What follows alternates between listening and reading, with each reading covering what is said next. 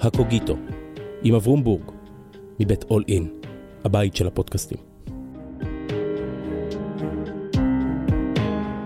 שלום, כאן אברום בורג, ברוכים השבים וברוכות הבאות לקוגיטו, אל ספריית הטקסטים של הישראלים. והיום היא עם רחלי רוטנר, אשת תקשורת ותוכן, קומיקאית, בעלת דעה, קומיקסאית. כן. שלום רחלי. לעתים. שלום, מה שלומך? שלומי בסדר. אמ, אני מקשיב לך ועוקב אחרי הרבה מאוד זמן, אחרי התכנים שאת מייצרת, ואחרי שאני גומר לחייך ולעיתים לצחוק ולצטט, אז אני גם מהרהר הרבה מאוד על אודות השובל שאת ואתם מותירים. את זה את ובן זוגך אריאל, והגלגל השלישי בחבורה זה בוקסי. כן. הלא הוא. אמיר בוקס. בדיוק. כן. ו... בפודקאסט שלנו. בפודקאסט כן, של וואקו הפודקאסט, כן. שאולי ניגע בו ואולי לא, אבל אני חושב שהוא הוא אולי היום רצועת העור עליה אפשר לחדד או צריך לחדד כמעט את כל הסכינים הישראליות. מה אתה סח? כן. אני חייבת להודות שמאוד הופתעתי כשפנית אליי אה, תחת ה title של מאזין אה, קבוע לפודקאסט, כי זה תמיד אה, מפתיע אותי, כי אנחנו תמיד מקשקשים שם, כן? ואנחנו מחשיבים את עצמנו, אני ואריאל, בתור אנשים אה, לא כל כך מבינים בשום דבר. יש לנו את העולם הפנימי שלנו. אתם יכולים לנהל את המדינה לפי זה. כן. אנחנו אנשים מאוד אה, אה, לא משכילים מבחינה פוליטית. אה, אנחנו מדברים בעיקר על האבסורד של הפוליטיקה בארץ, אבל, אבל אנחנו לא מחשיבים את עצמנו כמבינים. ואז פונים אלינו אנשים שהם אה, פרשנים פוליטיים בכירים, ואומרים לנו, אנחנו מאזינים אה, לכם באופן קבוע, ו- ואני תוהה, מה, מה הם לוקחים משם? זאת כאילו- שאלה שאני לא יודע אם אני יכול להשיב עליה, אבל כשנתגלגל, נגיע, אם נגיע היום לדבר על סאטירה לא כז'אנר, אלא כ, כמערך תכנים, מה הוא ממלא בתוך העולם, אבל אני מרגישה שגם סאטירה צריכה להגיע... אני הייתי חושבת שהיית רוצה לצרוך את הסאטירה שלך ממקומות שהם אה, נשענים על מעיינות עמוקים של ידע. אני לא בטוח בהקשר הזה. אני חושב שמה שאתם מספקים, ואני אשאיר את זה בינתיים שם, ואם את תעשי פודקאסט על סאטירה ותזמיני אותי, אז אני אערער יותר, זה מספק קודם כל אינסטינקטים מאוד מאוד חדים. כלומר, בעידן שהכל כהה בו, כן, הכל גדול, וכולם, וביחד, ושום דבר לא מדויק. כן. ננצח, מה זה לא ברור, ביחד, מי זה לא יודעים. פתאום... אנחנו בא- מביאים את האידיוט מהיציע. אתם, אתם באים עם הדבר החד, המדויק, ה... תגיד לי למה אתה מתכוון, אה, אה, אה, כן. לא יודע. אז זה אוקיי. דבר אחד. והדבר השני, אחד הדברים שחסרים בחשיבה של עדר, של קולקטיב, זאת החשיבה האלטרנטיבית, החלופה. ויש לכם כנראה משהו באינסטינקט שאומר, כל מה שאומרים לי, אני חושב הפוך. כן, זה בעיקר אריאל.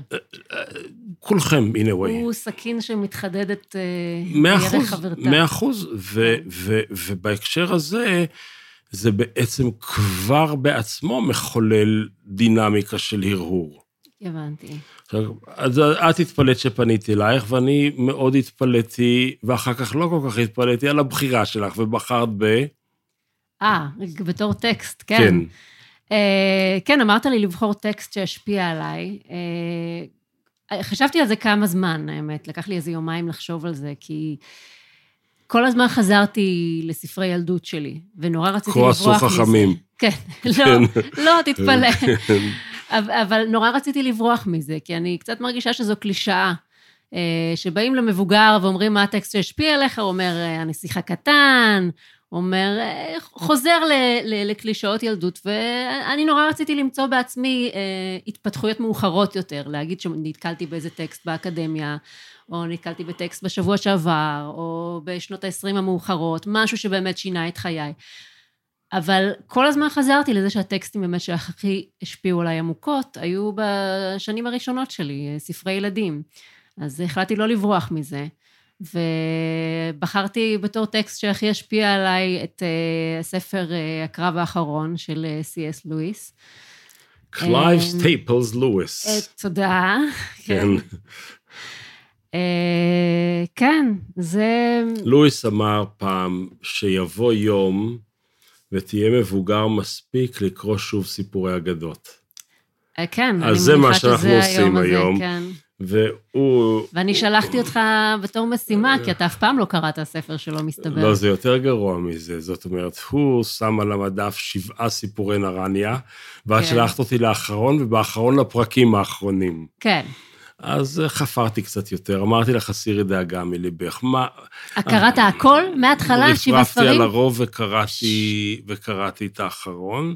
אנחנו מדברים על ארבעה ילדים בריטים, על כן. פיטר, סוזן, אדמונד ולוסי, ו...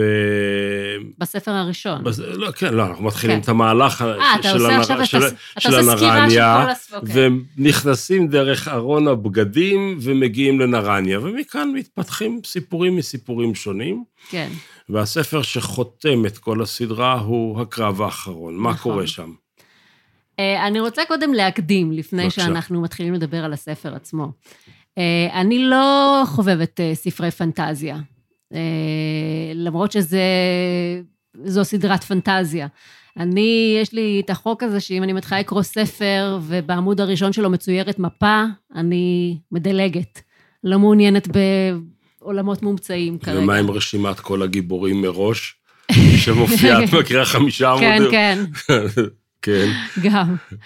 אז... אה, אבל אה, הספרים של נרניה הם באמת, הם ספרים שהם מבחינתי לא כל כך ספרים על פנטזיה, אלא ספרים שהם יותר, אה, הם, הם מגלמים איזשהו רגש מאוד חזק שלי היה כילדה, אה, ובגלל זה כל כך נמשכתי אליהם, שזה רגש של איזושהי כמיהה רוחנית, שאין לה תמיד, אין לה תמיד יעד.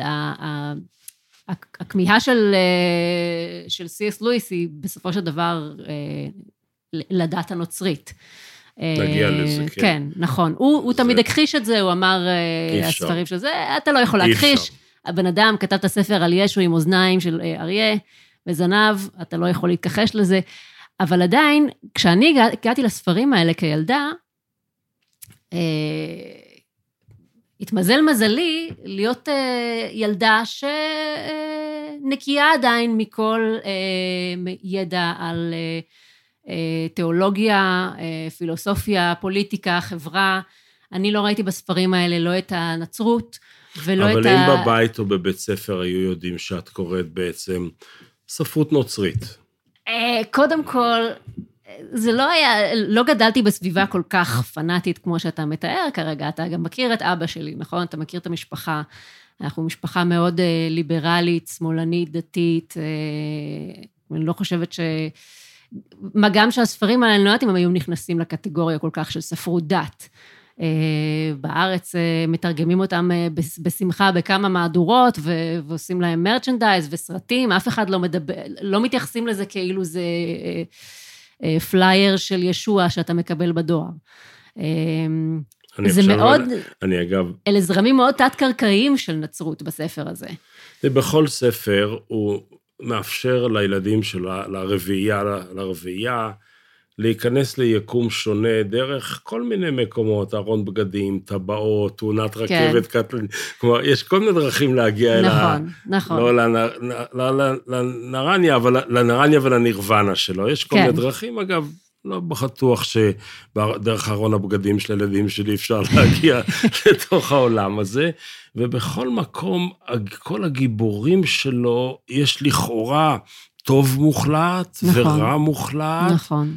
וזה מאוד מפתה, ואתה גומר כל ספר ואומר, אבל הטוב הוא לא עד הסוף טוב.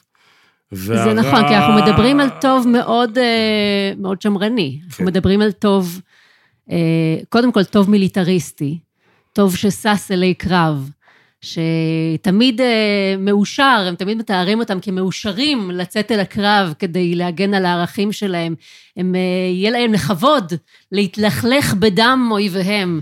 אה, זה מאוד לא מודרני, התפיסה הזאת. אבל, אבל שוב, כש, כשאני ניגשתי לספרים האלה כילדה, לא היה לי שום מושג לגבי, גם לא ראיתי בספרים האלה לא את המיליטריזם ולא את הגזענות, שיש המון בספר, בספרים האלה. ושוביניזם נורא. ואת השוביניזם, ואת הנצרות הכפייתית הזאת, אה, אפילו, אתה יודע, אה, הם כופים את הדת שלהם על אנשים, הם רוצחים אנשים שלא אה, הולכים עם הזה. אני לא ראיתי את כל הדברים האלה. מה שאני הרגשתי כל הזמן זה את הזרם התת-קרקעי של הרגש החזק הזה, של מישהו שמכל שורה צועקת שהוא מחפש משהו שהוא מעבר. ואת זה אני לא הרגשתי בשום ספר דת שאני נתקלתי בו כדתייה, בשום אה, שיעור דת, אה, בשום, זאת אומרת, אני גדלתי כל החיים שלי כילדה דתייה. שיעורי דת ושיעורי אמונה זה היה דבר שכל דקה... כל דקה לוקחים אותנו אליו, ואני אף פעם לא הרגשתי כזאת כמיהה להשתחרר משלשלאות היומיום ולהצטרף לאיזשהו משהו גדול ו- וחזק יותר. בואי נשאר שם רגע באזור הזה. אני ילדה בנתניה, כן. גדלה ומתבגרת. נכון. כמהה למשהו טרנסצנדנטי שמעבר. נכון. כשהשיעורים של הדת הם משעממים, נוטלים את יד ימין לפני נעל שמאל, נכון, והטלית כן. לפני המקווה, ו... הכל מקודד ב... ב הכל הוראות שימוש. בפעולות, הכל, נכון. כלומר, בעצם אתה קורא את הספרות היהודית של ימינו, זה manual של להפעיל מג'ימיקס. זאת אומרת, כן. עכשיו תלחץ על הכפתור הזה, בשתיים נכון. אחרי הצהריים תפעיל את השעון ההוא. נכון. אני מרגיש שיש דור, אני יודע שיש דור שלם יהודי, כולל בארץ, שבועט בדברים האלה ויצר אה, חיפושים רוחניים אחרים לגמרי. יש נאו-חסידות. כן.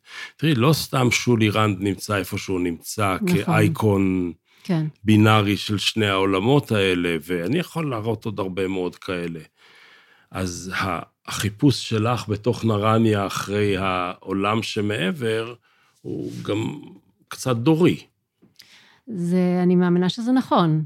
למרות שגם ה, גם הפתרונות האלטרנטיביים שמוצעים, לא, לא, די כשלו ב, בלמשוך אותי לשם, כי בסופו של דבר לכל זרם כזה יש דוקטורינה מאוד, אה, מאוד ארצית, מאוד מוגבלת, מאוד אה, גופנית. אה, אפילו אם תלך למקומות הכי, הכי בודהיסטיים, הכי רוחניים, הכי, בסופו של דבר הכל מעוגן באיזושהי שפה שהיא אנושית מאוד. בכל התרבויות, לא רק אני, אצלנו, את מתכוונת. ש... כן, כן, בכל העולם. אני אומרת, כילדה, מאוד תסכל אותי, שגם כשאתה הולך למקום שבו מבטיחים לך את, ה, את הדבר הכי פתוח, בסופו של דבר הוא מקודד, הוא מוגבל, הוא, כי אנחנו אנשים, כאנשים אנחנו חייבים משהו מוגבל, אנחנו בעצם הגדרתנו מוגבלים בגוף שלנו, מוגבלים בשפה שלנו, אין איזושהי נירוונה אמיתית, אין איזשהו רגע שבו אתה לוחץ על כפתור והכל נפתח והנשמה שלך מתפרסת על פני כל החלל החיצון. אין, אין דבר כזה, אבל זה איזושהי אשליה שקיימת בי כל הזמן, שעוד רגע... כמיהה. כמיהה, שעוד רגע זה יקרה. וזה מה שקורה בספר של הקרב האחרון, שכל כך, אני זוכרת את זה בתור ספר, אחד הספרים הראשונים שממש גרמו לי לייבב בבכי, כי יש שם רגע שבו, אני, אני אגיד מה קורה בקרב האחרון בספר, כדי להסביר למה. הקרב האחרון זה ספר שבו אה, אה, נרניה נתקלת במשבר האחרון שלה, מגיע... נרניה הממלכה? הממלכה הדמיונית, הטרנסצנדנטית, שאלה, שאליה מגיעים תמיד הילדים אה, כדי... ושוב, הממלכה הפנטסטית הזאת היא גם כן מאוד מוגבלת בדמיון שלה. בסופו של דבר אתה מגיע לאיזושהי ממלכה מטורפת, ומה יש לך שם? יש לך פאונים, יש לך קנטאורים, כאילו דמיון מאוד מוגבל, אוקיי, לקחתם בן אדם, הוספתם לו קרניים וקראתם לזה ממלכה אחרת. כאילו fucking האל המטריף שלכם זה בסך הכל אריה, כן? זה בן אדם, זה, זה, זה חיה שאני רואה בגן חיות, רגע, אוכלת רגע, זבל. רגע, רגע, רגע. יש איזו הבחנה כללית, כללית, כללית בין ספרות המדע הבדיוני לספרות הפנטזיה. כן. חלק ניכר מספרות הפנטזיה זה אבירים וימי ביניים נכון. ומצודות ומין אנגליה, כן, כן. אנגליה מדומיינת, והמדע הבדיוני זה איזה יסוד מדעי, טסים למאדים ומקיפים את נכון. שביל, הח, שביל החלב עם סטייק, אני לא יודע בדיוק מה. כן. זה משהו אחר לגמרי. נכון. עכשיו, נכון, יש, הז'אנר הוא, הוא ז'אנר כזה של אבירים וטירות ויצורים חצי מוזרים, כי הם כן. חצי מוכרים לנו, אבל חצי לא מוכרים לנו. כן, אז הוא, לואיס לא ברח מהז'אנר הזה. ברור, אבל, אבל זה מרגיש תמיד כמו פרודיה על הדמיון המוגבל שלנו. כי גם, Hmm. כמו שאמרתי, בגלל שעובר כחוט השני בכל הספרים האלה, כמיהה למשהו שאין לו שם, אתה כל הזמן משתמש ביצורים שלא רק שיש להם שמות, יש להם את השמות הכי קלישאתיים בספרות הפנטזיה, בתרבות האנושית, אנחנו מכירים, יצורים שכבר במיתולוגיה היוונית אה, מיצינו אותם.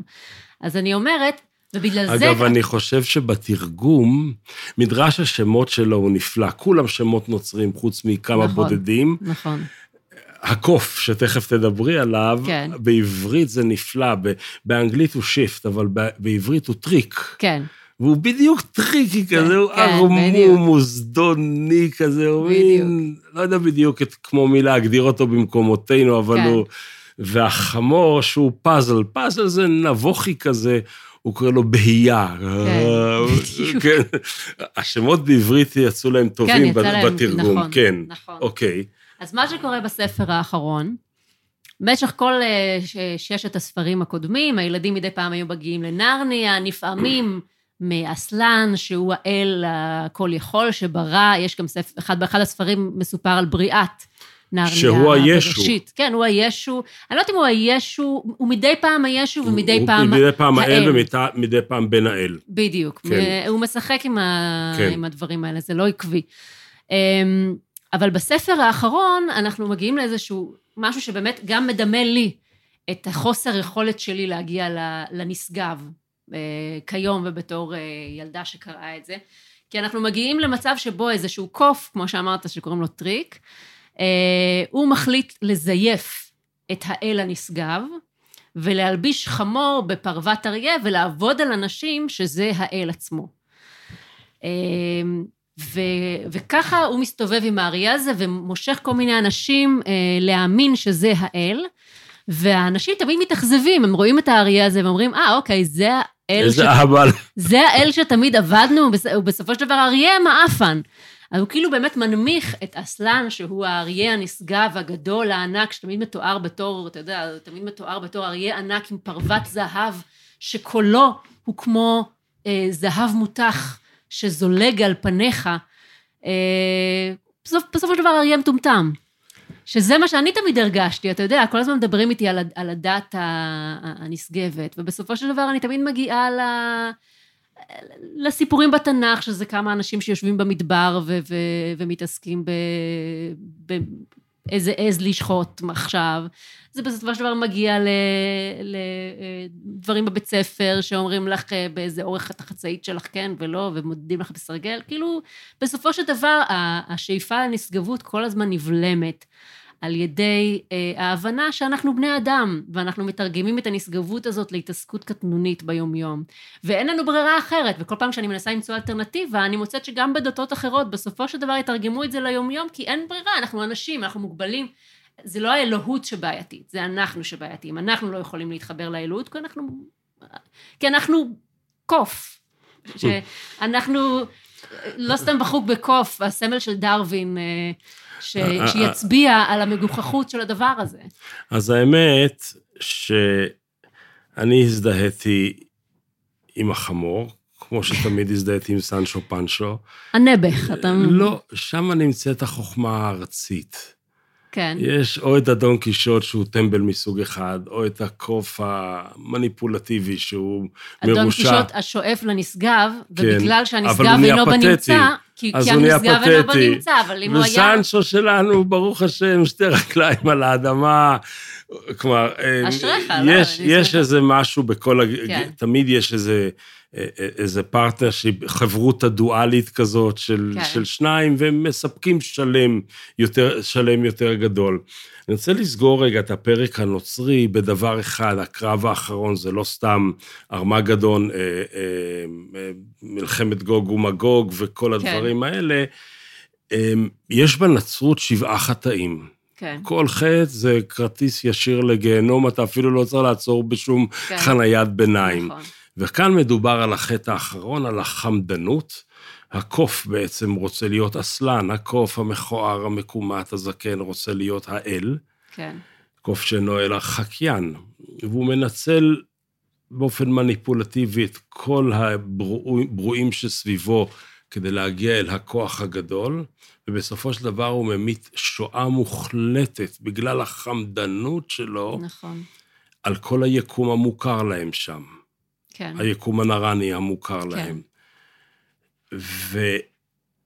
אגב, ו... הוא לא ממית שואה לבדו, אם הם לא היו הולכים אחריו, אני, השואה לא הייתה מומתת. תכף כן. נגיע להתפתחות. אז זאת יציאה לדרך מאוד מאוד נוצרית.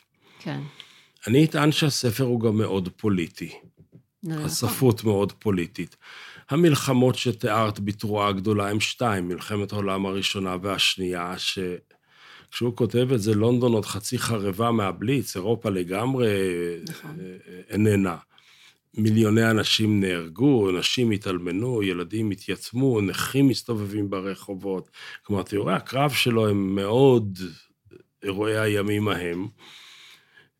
והוא בעצם נוקט כאן פעם ראשונה בספר הזה דבר שלא היה בכל הספרים הקודמים. כל הספרים הקודמים יש טוב ויש רע, ואתה הקורא או הקוראת מנתניה צריכים לנקוט עמדה. פה יש פתאום את הגמדים. אה, האתאיסטים. אה, דברי קצת על הגמדים, כי אני חושב שזה טוויסט, טוויסט פוליטי אדיר בעלילה, ו- כן. ואישום, כתב אישום מאוד גדול שלו. תדברי על הגמדים רגע. אוקיי, אז אה, כמו שאמרנו... שלי? אני התחתנתי עם אחד. אה, באמת? כן, לדעתי. טרול. כן.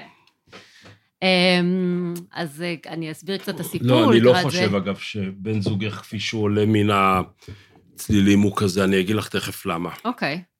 אמ, אחרי שטריק באמת אה, אה, מערים על תושבי נרניה, שהאל הנשגב הוא למעשה החמור שהוא הלביש בפרוות אריה, אמ, הוא מצליח לשכנע את כולם, וכשהטובים, שזה המלך טיריאן והילדים, הם באים ומצליחים לשכנע, להראות... קואליציית נרניה. כן. נגד, נגד הטורקים. בדיוק. כן. הטורקים, כן. זה הגזענות ששם. כל הרעים שם הם כהי עור עם אה, טורבנים. לא נגיד כן. מי, אבל... קלורמנים. כן, כן. כן. אז... אבל הם אה, טורקים, במובן כן, ה... ודאי. של העולם המוסלמי העולה. כן, ודאי. כן. אמ, אה, וכשהטובים מצליחים להגיע, הם מראים לכל, לכל נרניה שהאל שהם עבדו עד עכשיו הוא למעשה רק חמור בפרוות אריה, ושהוא זיוף. וכמובן שכולם מתייצבים אה, לצידם, תושבי נרניה, שהם מבינים שעבדו עליהם, אבל היחידים, היחידים שלא מתייצבים לצידם זה הגמדים, שזה קבוצה של גמדים שאומרים, אוקיי, הוכחתם לנו שזה זיוף, אבל מי אמר לנו שהאסלן שאתם מייצגים עכשיו ומתיימרים uh, להגיד שהוא האל האמיתי, שרק זייפו אותו עד עכשיו, מי אמר לנו שהוא לא זיוף?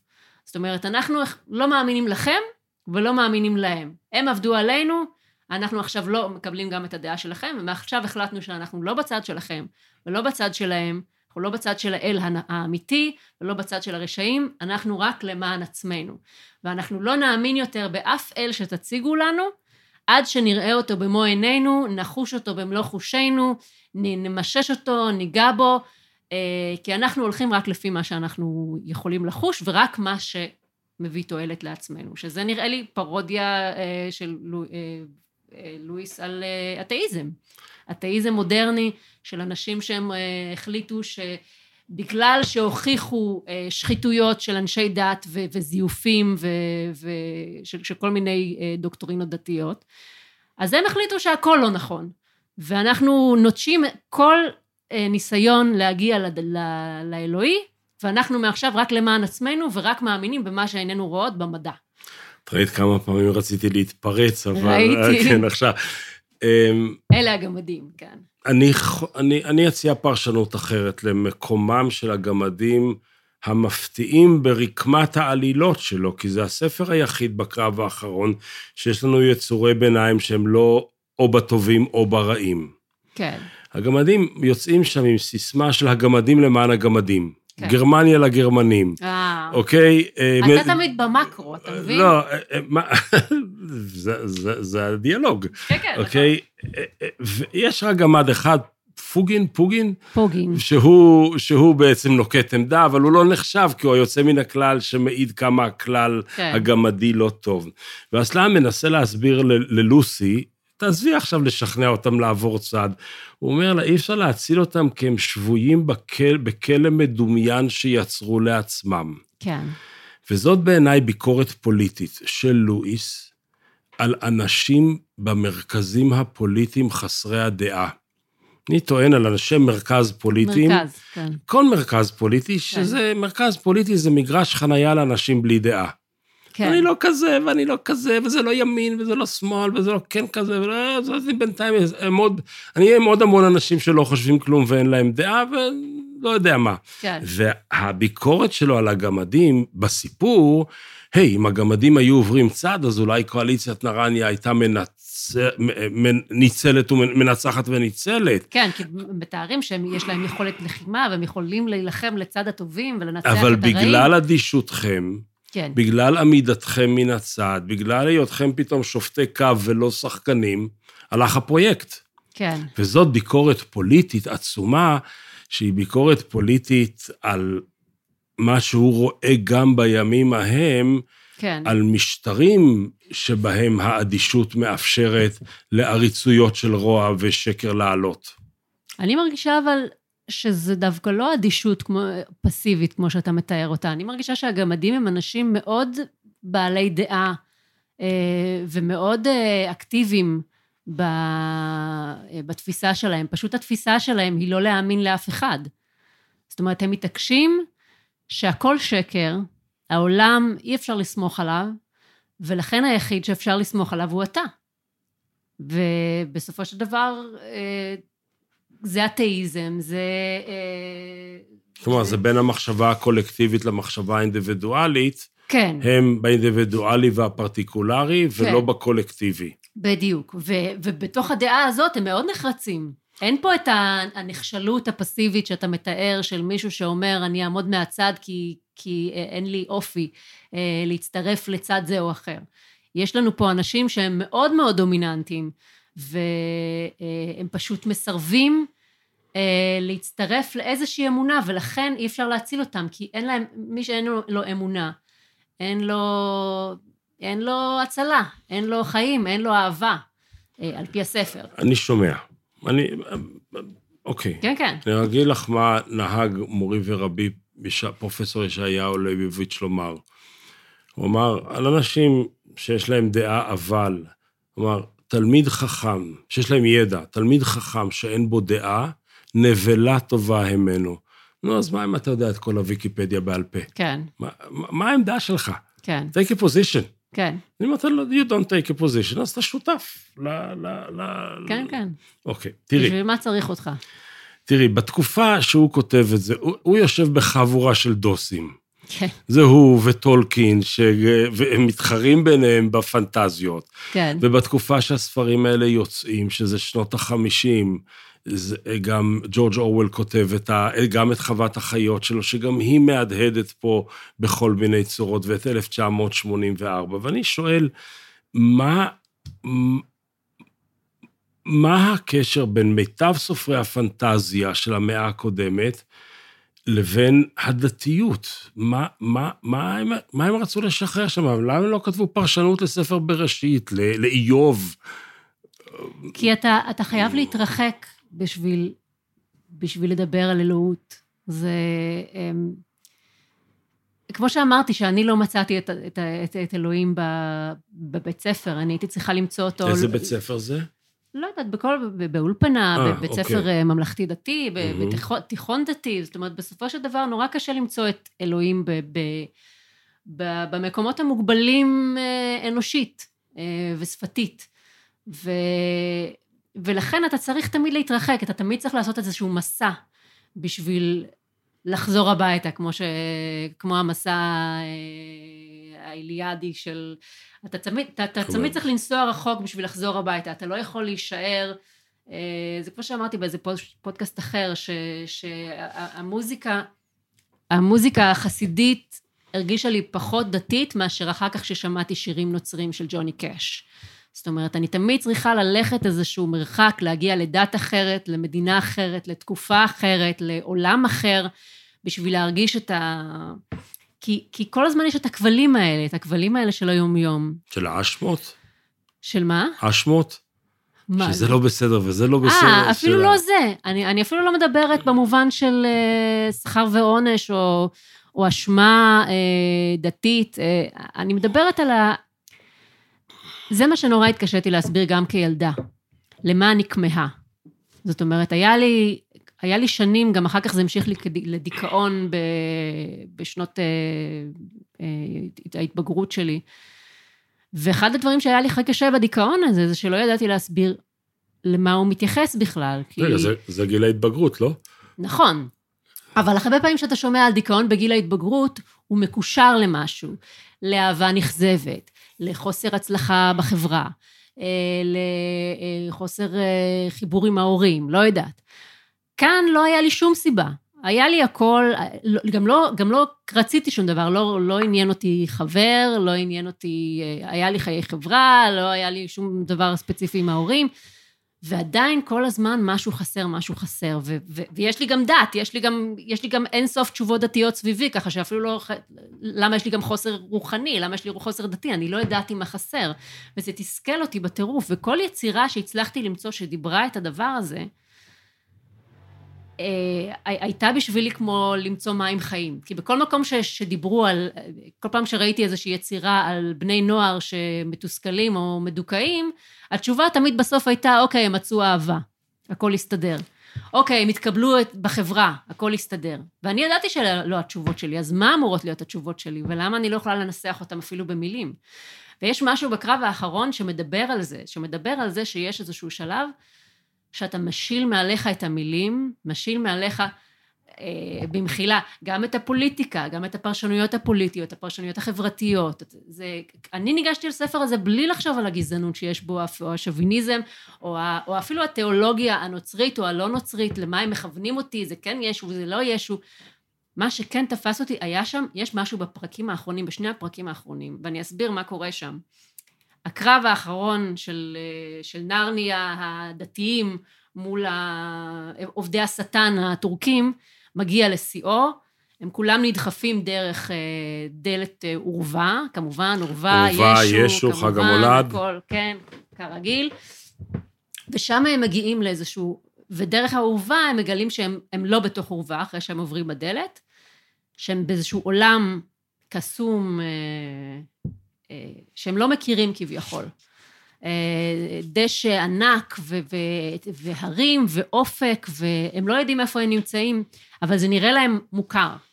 ואז אסלן מגיע ואומר, אתם נמצאים במקום שהוא עדיין נרניה, אבל הוא נרניה האמיתית. זאת אומרת... ואולם הדברים שהחלו כן. מתרחשים עתה, היו עצומים כל כך ויפים כל כך, עד שאין בכוחי לכותבם.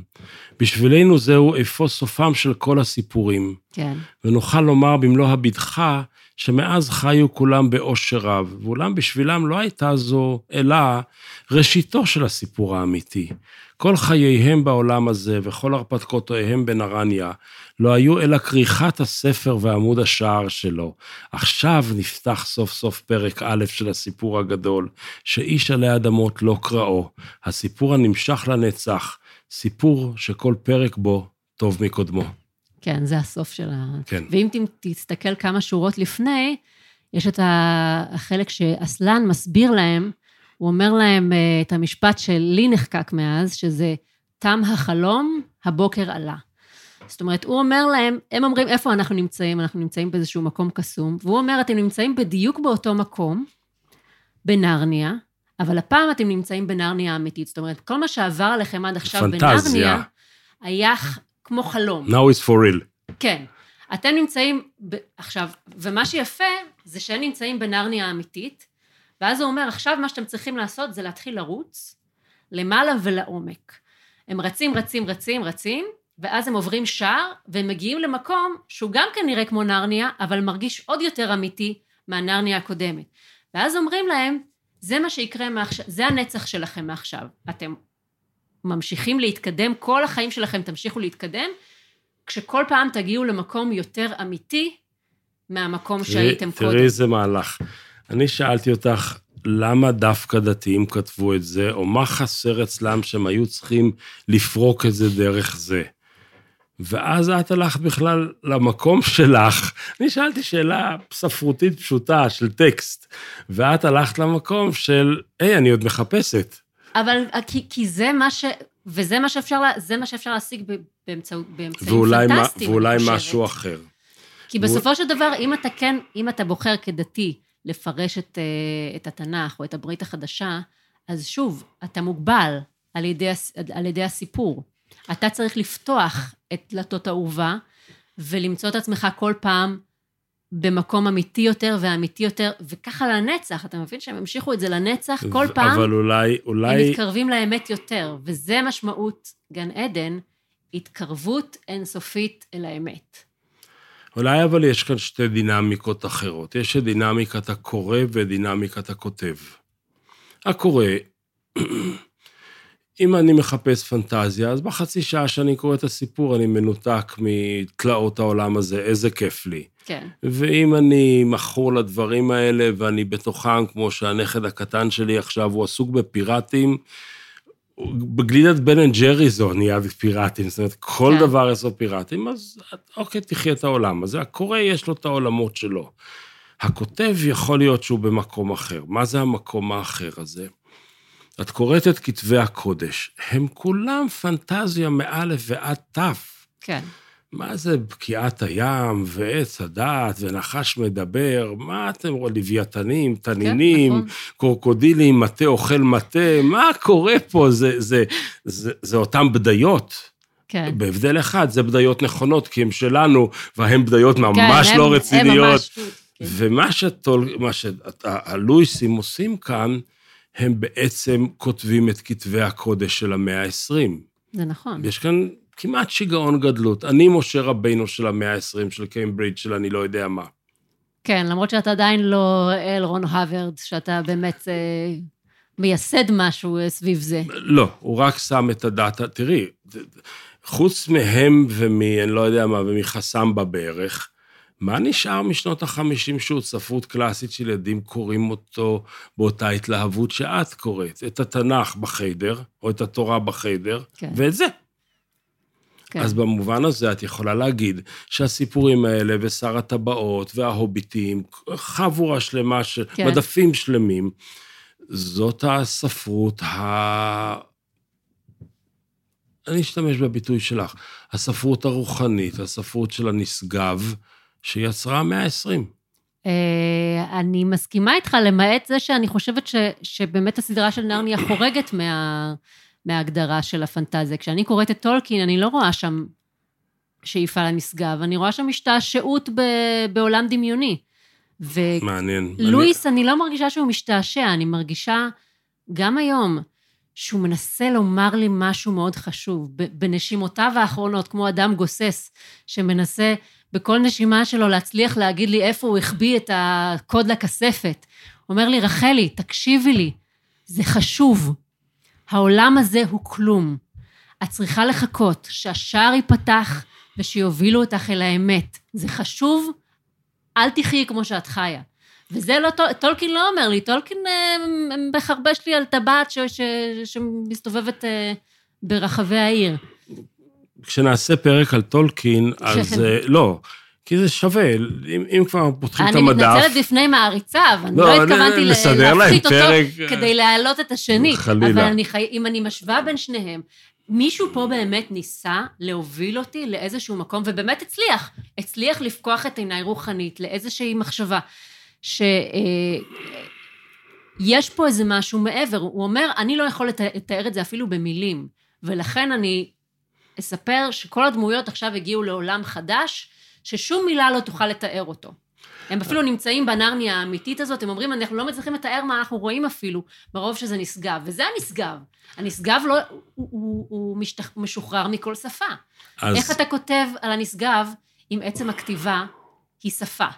והנשגב משוחרר ממנה. יכול להיות שהכתיבה המסוימת הזו של לואיס, לואיס, בניגוד לכתיבות אחרות של הדור הזה והזמן ההוא, מושכת עד עצם היום הזה, כי הוא גם חווה משברים ברוחניות שלו. הוא היה בכנסייה, והוא עזב אותה, והוא חזר בגלל חברים, כן. והוא האמין, והוא הטיף. מעבר להיותו חוקר ספרות ימי ביניים אנגלי דגול, כן. שכתב כמה מהקלאסיקות הכי חשובות בחקר, כלומר, הוא, הוא גם תלמיד חכם, הוא גם תיאולוג, הוא כן, גם... כן.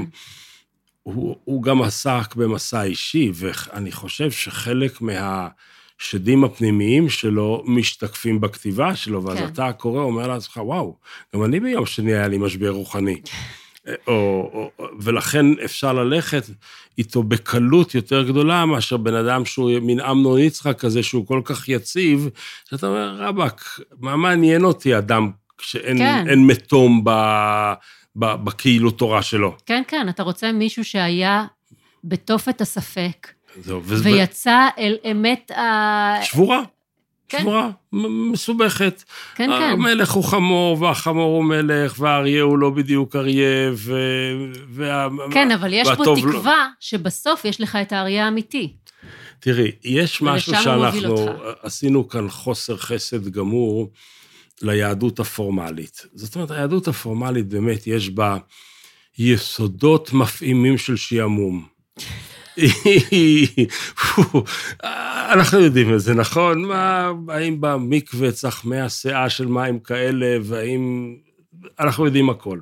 ותראה, אני, אני, אני רוצה לעצור ולהגיד, אני מבינה את הצורך בהתעסקות הקטנונית הזאת, ואני נותנת לזה קרדיט שאני מניחה שזה גם מה שהחזיק את, ה, את היהדות במשך כל כך הרבה שנים, העובדה שזה כל כך ממוסמר ליום-יום שלך, זה לא משהו מעורפל ומופשט, שאתה שומר בלבך, ובזמן שאתה בינתיים בעבודה ועם המשפחה וזה, ובקושי חושב על זה. הדת ממוסמרת ככה שאתה צריך לחשוב עליה 24-7, כשאתה אוכל, כשאתה שותה, כשאתה מחרבן, כשאתה זה, אתה כל הזמן חושב על זה. אני מבינה את זה. אבל אני אומרת, אני לא, לא הצלחתי למצוא את עצמי. אז אני, המחשבות שלי על הדת ומי שולט במי, האם היא שולטת בי או האם אדוני הדת שולטים בי דרכה, זה דיון, נעזוב אותו לרגע, בסדר? כן. אבל ביהדות, אפילו לא נסתרת, זה ממש אה, קצת מגרדים את הבוץ. יש שדים ורוחות ועין רעה וחיות קודש ומלאכים ורוכב נכון. בערבות, מלך עולמים וכל מיני עניינים מעניינים שונים, יש עולמות מטורפים, יש גלמים. עכשיו, כן. הגולם הוא בתלמוד כבר, הוא לא מחכה למהר"ל מפראג, כן. באמצע אירופה. זאת אומרת, יש יהדות שלמה שהיא... היא, מיסטית, היא פנטזיונרית ופנטסטית בצורה בלתי רגילה. כן. אבל אותה אנחנו לא קוראים באותה חדווה שאנחנו קוראים, איך אמרת, מישהו ממדינה אחרת ומדת אחרת. אה, כן, קודם כל זה שונה כשזה קרוב אליך. אה, וחוץ מזה, גם, הרי כל... לא מלמדים אותנו את הדברים האלה. אנחנו לא מתעסקים במיסטיקה כמעט. אתה לא רואה, מערכת החינוך אה, מדברת על משה רבנו, לא על הלל בן שחר. למרות שהרחוב מחובר הרבה יותר ליהדות המיסטית, הוא באינטואיטיבית שלו, הוא הולך לקברי צדיקים, נכון. הוא... אני יודע מה, מרבית הנשים הדתיות שאני מכיר הופרו בקברי צדיקים, ולא, ב, ולא במבחנה. צריך לבדוק מי השומר שם. כן, בדיוק. כלומר, המיסטיקה העממית היא, היא מאוד נפוצה, לא חשוב איך מערכת החינוך מנסה נכון. ללוש לנו את הראש ההלכתי שלנו. כן, אבל זה, זה השכבה המאוד חיצונית של המים. זאת אומרת, אה, להניח אה, אבן על קבר אה, צדיק או לקנות בקבוקון מים שלו, זה לא באמת מיסטיקה יהודית. זה בבא לא... דיאט. מה? בבא דיאט. מה זה בבא דיאט? יש מים של הבבא ויש בבא אוקיי. דיאט. אוקיי. הבנתי, כן. אה, אבל זה לא באמת, זאת אומרת, אני מניחה שלא... אני חושב שהדת העממית אצלנו, בעת הזו. אין ספק שהיא יותר נפוצה, אבל זה בגלל ש... היא גם יותר חזקה. שהיא קלה יותר לעיכול. ממיליון סיבות. אני לא מדברת, אנחנו לא מדברים פה על, על ללמוד את הטקסטים העתיקים אה, ולדבר על הטרנסצנדנטי, אנחנו מדברים פה על אה, לקנות חוט. וזה קצת שונה. לגנות חוט זה לגרש שד, לגרש שד יש שדים, יש שדים יש פנטזיה, לא יהיה חוט אני מפחד, לא אגיד שמע ישראל, יבוא... יבוא אבל לקנות חוט זה לא יבוא- הרבה יותר שונה מאשר להגיד, אה, לברך על הביסקוויט, כדי שאתה לא תלך לגיהנום בעוד 70 שנה. זאת אומרת, זה, זה, זה אותו היגיון. זה, אין, אין פה, אנחנו לא מדברים אנחנו פה לא על... מה- מתווכחים, אנחנו... אנחנו לא מדברים על כן. מערכת שונה לחלוטין של היגיון. לא, אני רק טוען שיש ספרות דתי בדיוק. פנטזיה יהודית נפלאה. ספרות פנטזיה כן, כן, ספרות כן, אבל אין לך... נכון, את היית מעורבת בבבלים טיפשים? כן. מה זה בדיוק? זה היה אה, ספר אה, של קומיקסים שמבוססים על אגדות תלמודיות של אה, קבוצת ארמדיל, קבוצת קומיקסאים דתיים. אה, עכשיו, מה זה בבלים בו. טיפשים? הני בבלי טיפשי, דאח לנהמת בנהמה. אלה הבבלים הטיפשים שאוכלים לחם בלחם. כן. זאת אומרת, הם שמים פרוסת לחם שחור, ובאמצע לחם לבן, ולמטה לחם שחור, כן. יש להם סנדוויץ'. הני בבלי טיפשי, דאח לנהמה בנהמה. מזה בא הבבלים הטיפשים. יש מלא אגדות נפלאות. כן, כן. שכשביאליק ורבניצקי חילצו אותם בספר ההגדה, בשבילי זה היה ספר מדליק של פנטזיות של שדים ורוחות. וליליות. למה לא לומדים אותם יותר? שאלה טובה. כי אנחנו במדינה מאוד אשכנזית. זה, זה תמיד מחובר ל, ליותר קסם המזרח, הסיפורים האלה. אנחנו מתעסקים ב... אתה יודע, ב, אנחנו לומדים בתושבע, איך... אה, לא בטוח. אה, את הכלי כלי החסי- שני, כלי שלישי. החסידות מלאה במופתי הבל של קופצי דרכים ו... ומחוללי ניסים. היא אשכנזית מערב אירופאית, אה, מזרח אירופאית קשה. אני מניחה שכשאני אומרת אשכנזית, אני חושבת יותר על הציונות הדתית, שהיא הרבה יותר שכלתנית. בואי נעבור נושא. אני רוצה. ללכת למקום נוסף, כן. אחד לפני האחרון, אוקיי? כן. אמ, משהו מהעולם המקצועי שלך. אני אטען עכשיו שהסאטירה והפנטזיה והתקשורת, כולם, כל אחד בדרכו, בוחנים את גבולות הנוח ואת מקומו של הכואב. זה נכון. תחברי זה ה- אותם רגע. זה, ה... זה ה... לצעוד קצת את הצעד האקסטרה מעבר ל... למקובל, כדי לחזור עם איזושהי תשובה. כמו שאמרתי, לעשות את המסע ולחזור, אז אתה עושה את המסע לפנטסטי וחוזר עם תובנה, או אתה עושה את המסע מעבר אה, לגבול האדום של מה שמקובל להגיד בשיח, ואתה חוזר משם עם תובנה. אתה תמיד צריך מצליחה לחצות, לחזור תמיד? לחצות את הגבול בשביל... אה, תמיד זה. מצליחה לחזור? אמ, אני חושבת ש... שכן. אני- כיום אני בן אדם הרבה יותר מיושב ושקול. אז המסעות שלי הרבה יותר... אה, אני קרוב תמיד- לבית. קרוב לבית, אני עם מימייה עליי, אני עם טלפון, ארנק, מפתחות. אני לא באמת הולכת לאיבוד ביער. אה, בשנים קודמות יותר הייתי הולכת לאיבוד הרבה פעמים, ולפעמים אה, מתבלבלת לחזור. אבל... תני לי דוגמה, זה קצת מופשט.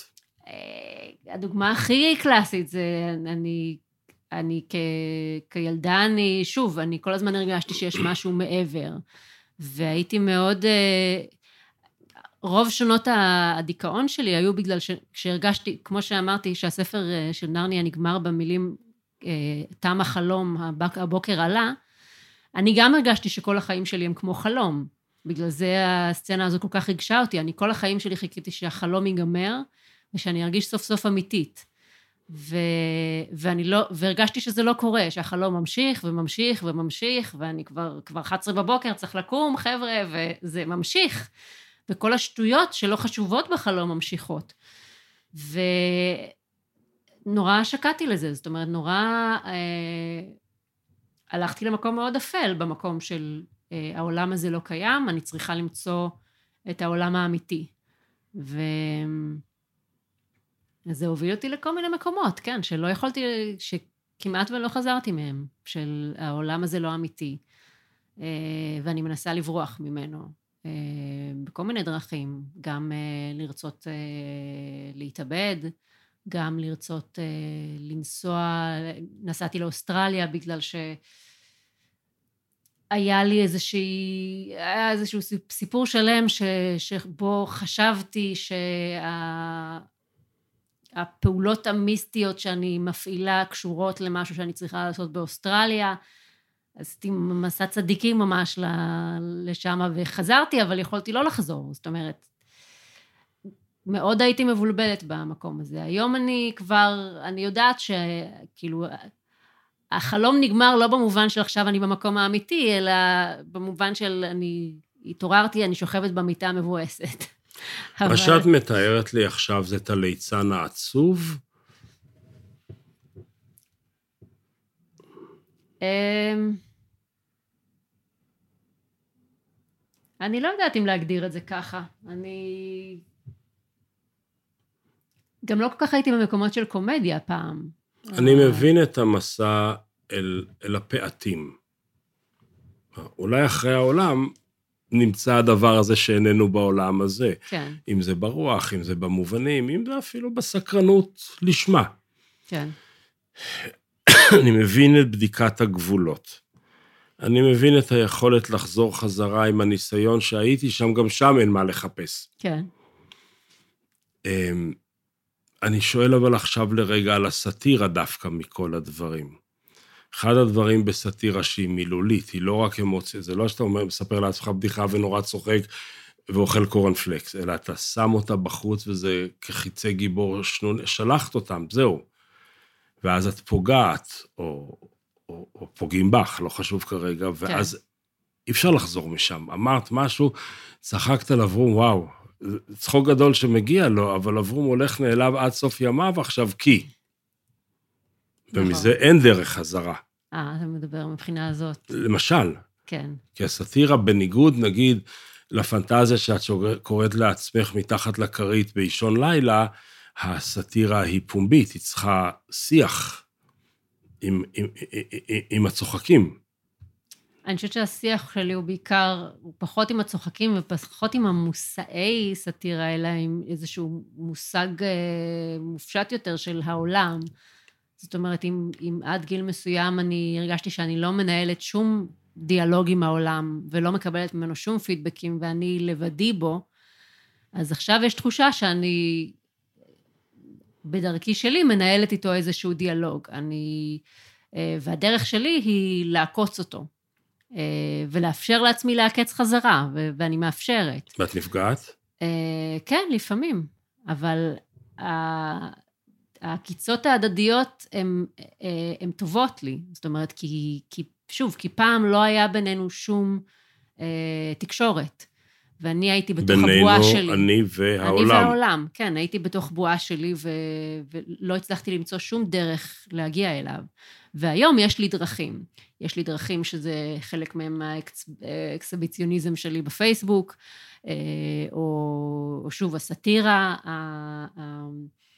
העובדה שאני לוקחת אה, אירועים אקטואליים ומאבדת אותם דרכי ומוציאה, פולטת אותם חזרה החוצה כשהם רחלי רילייטד, אה, ועשויים בצלמי. אה, זאת אומרת, יש לי דרך ל... לערבב את, העולמות ביחד. ומבחינתי זה, זה הסאטירה, זה סוג של הדרך שלי לתקשר.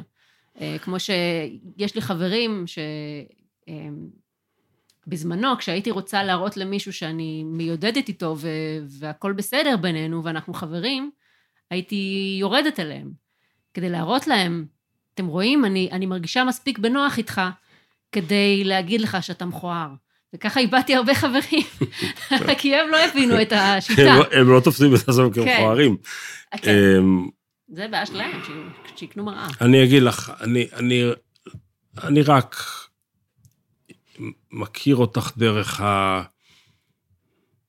מעט אה, אה, נתחים של אה, תקשורת שאני יודע, זה לא, אנחנו לא באותו מעגל בשום צורה שהיא. נכון. והתחושה שלי היא שאם לואיס יושב בחדר שלו ספון באוניברסיטה עם הז'קט טוויד שלו ובטח איזה pipe כזה של שנות החמישים, והוא מלקט זיכרונות ומלקט אסוציאציות, והוא לקט.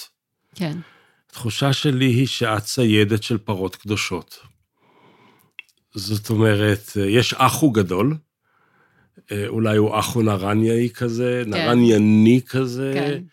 וכל פרה קדושה, את קודם כל הולכת, לה, את, את רוצה לתפוס אותה, עכשיו, כן. את רוצה לתפוס אותה כדי להגיד אולי היא-היא כן, הפרה של המשמעות שאותה אני מחפשת, ואת בעצם במסע ציד. כן, אבל כולן אה, מתבררות כסתם פרות מאפנות. אני טבעוני. כן, מלאות בוץ וחרא. כן, אז אין ברירה. אין ברירה אלא...